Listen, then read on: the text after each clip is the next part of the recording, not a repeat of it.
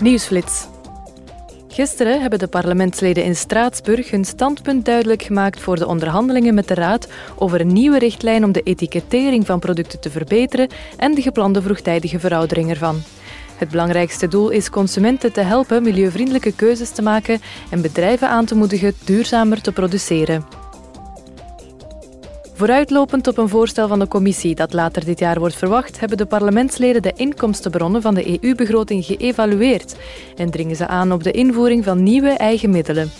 Een van de belangrijkste redenen voor de invoering van nieuwe bronnen van EU-inkomsten is de terugbetaling van de schuld die is ontstaan in het kader van het herstelplan van de EU. De parlementsleden hebben deze week twee verslagen goedgekeurd, waarin ze er bij Servië en Kosovo op aandringen een dialoog aan te gaan en hun betrekkingen te normaliseren op basis van het beginsel van wederzijdse erkenning. Het parlement benadrukte daarbij dat Servië zich moet aansluiten bij de EU-sancties tegen Rusland.